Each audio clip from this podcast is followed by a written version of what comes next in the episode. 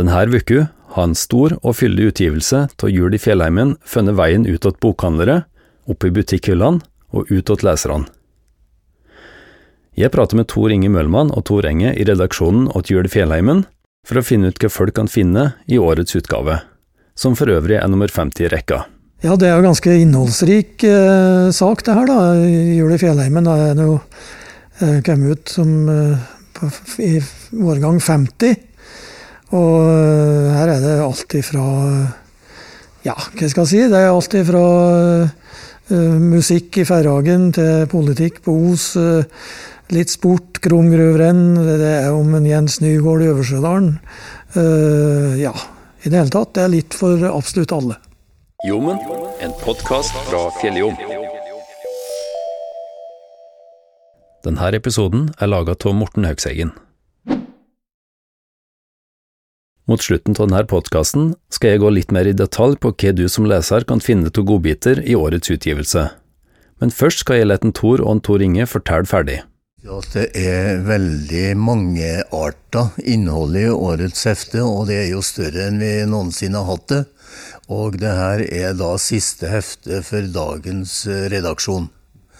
Vi avslutter med det her eh, juleheftet her, og eh, derfor så la vi litt bredt på å kunne få til nummer 50, da.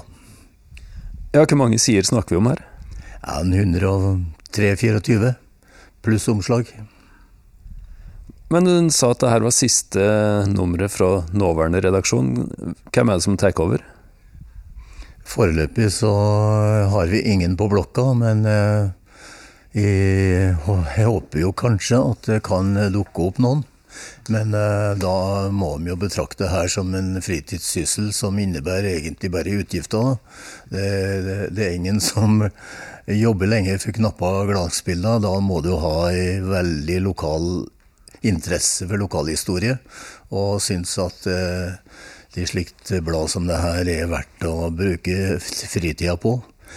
På han annen side så syns jeg jo for min del at eh, kanskje tida løper ut på en måte for slike lokale blad som det her, for både dere i avisene og eh, sosiale medier for øvrig eh, jobber jo i større grad enn før på akkurat samme markedet som slike hefter som det her befatter seg med. Men likevel, dere har jo et, sånn, et visst særpreg i, i, i det her bladet? Ja, det har vi jo. Det, det er jo jul i fjellheimen.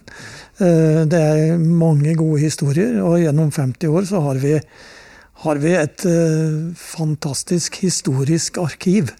eh, Som du ikke finner mange andre plasser enn nettopp i det bladet her.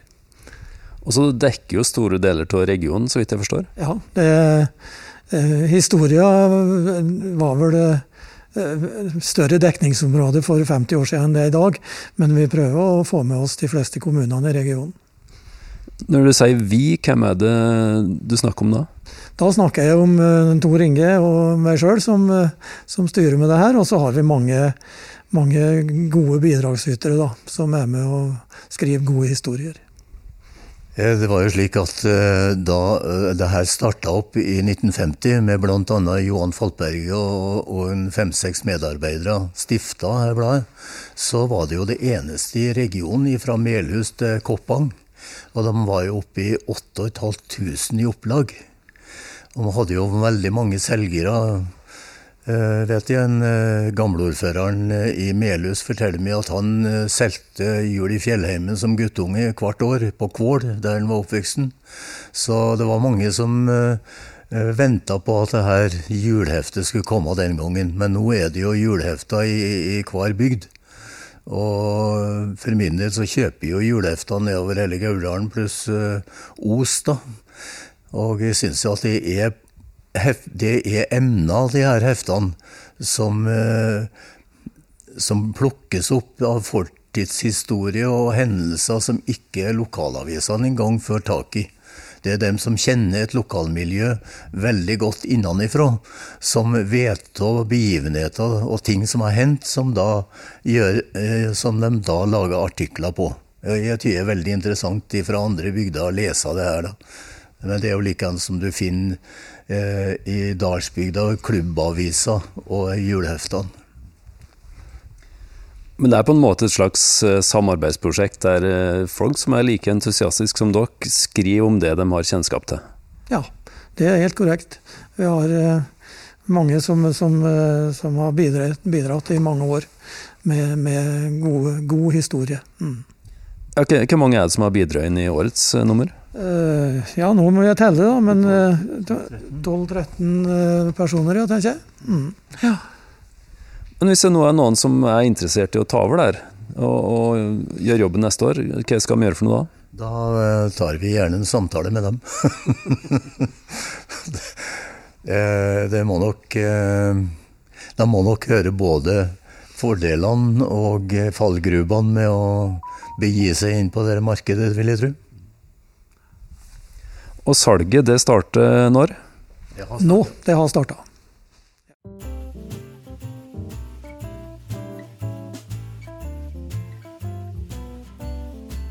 Siden dette er et jubileumsnummer, altså nummer 50 i rekka, og det er siste nummer fra nåværende redaksjon, som for øvrig består av Tor Inge Møllmann, Tor Enge og Åge Aas, har jeg lyst til å si litt mer om innholdet, som er både variert og interessant.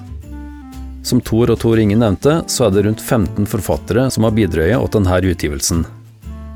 Ella Margrethe Sundt starter på side to med å skrive om Mari Eggen og Rolf J. Færhagen. Over seks sider forteller Sundt om paret som bor ute i Færhagen. Arne Innseth har med flere artikler. En av dem heter Meierimannen Arnt Langen. Arnt Langen er i ferd med å avslutte en lang yrkeskarriere innen meieribransjen. I mange år har han vært knytta til Rørosmeieriet, som han var en av pådriverne for å etablere i 2001. Slik starta altså artikkelen om Arnt Langen. Oddvar Siksjø har skrevet om Nyplassen elektrisitetsverk, som i dag har blitt til Ormhaugfossen kraftstasjon. Jeg har lyst til å lese aller første avsnittet av dette stykket åt deg. Beboerne på Nyplassen startet i 1914 sitt eget private elektrisitetsverk. Kraftproduksjonen foregikk i Ormøyfossen, like nord for sentrum i bygda. I mer enn 40 år skaffet dette anlegget strøm til husstandene på Nyplassen stedet som i 1939 fikk navnet Orvos. På slutten av 1800-tallet var bruken av elektrisk kraft i rivende utvikling. Røros kobberverk var tidlig ute. Allerede i 1896 ble det bygd en etter datiden stor kraftstasjon i Kuråsfossen på Glåmos for å skaffe strøm til gruvene. Kraftverket i Kuråsen var faktisk det første i Norge med høyspentoverføring. Samme år kom det i drift et lite elektrisitetsverk på Røros, med kraft fra verkets anlegg i smelthytten. Dette ga strøm til en del gatelysstolper, samt noen få husstander og forretninger. Røros ble dermed et av de første steder i Norge med gatebelysning. I 1913 anla Røros elektrisitetsverk et større kraftverk i Røstefossen i Glomma på 320 hestekrefter. Da fikk alle rørosingene muligheten til å skaffe seg strøm. På Jensvoll og på Myrmoen skråstrek Brynildsvollen kom mindre private anlegg i drift omtrent på samme tid. Vi går videre til Hans Svenne, som har skrevet om fjellfolkets dikter, altså Johan Falkberget. Tor Inge Møllmann har skrevet om Bergstaden Sir og jakten på tårnurverkets opphavsmann og produksjonssted. Jeg kan avsløre at Møllmann har funnet feil i historien, og at urverket på Røros kosta 123 riksdaler i 1784, eller omkring 25 000 kroner i dag. Møllmann har også skrevet en artikkel om urmaker Reidar, eller Reidar Laulo som han egentlig heter. Tor Enge har skrevet om Arnfinn Nergård og Erik Haagensen, begge kjente navn fra Os. I tillegg har de to vært gode naboer i flere tiår. Enge snakker med dem om henholdsvis politikk og bokbinding. Sverre Gullikstad skriver om oppvekst, yrkesliv og politisk virksomhet eller Røros fra fattigkommune til verdensarv, som han har valgt å kalle artikkelen. Inge Hånes skriver kort og godt om evigheten. Roar Dille og Ragnar Løkken skriver sammen om kafeer på Røros før og nå. Henrik Rønn skriver om sin bestefar, Henrik Rønn den eldre. Og Roar Dille tar dem med på en tur med Rørosbanen anno 1876. Anders Akrisvold forteller om Edgar Normann Krogh, som var ordfører i Engerdal mellom 1972 og 1975.